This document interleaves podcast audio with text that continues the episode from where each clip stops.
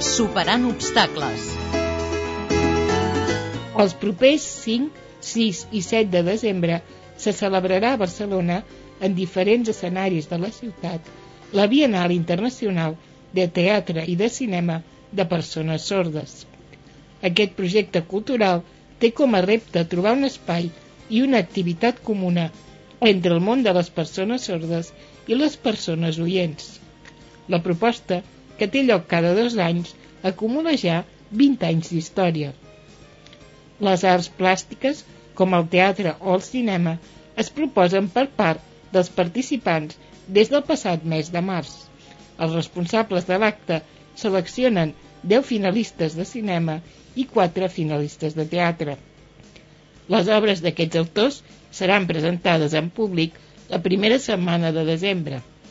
Després de les exposicions es dedicarà un temps a debatre i reflexionar sobre la temàtica exposada en cada una de les obres.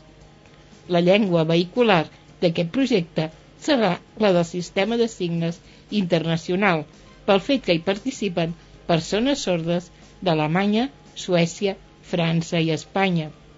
Aquest any, com a novetat, es convidarà a dos grups professionals estrangers de teatre que inauguren l'acte amb dues obres. Es podrà veure les representacions teatrals de Rock and Music de Toulouse i Quart Foil de la República Txeca a Caixa Fòrum, a més de la projecció de la pel·lícula Exhibición en el año 1827, també de la República Txeca. El programa complet i detallat el podeu trobar a la web cerecusor.org. Montse Pous, periodista.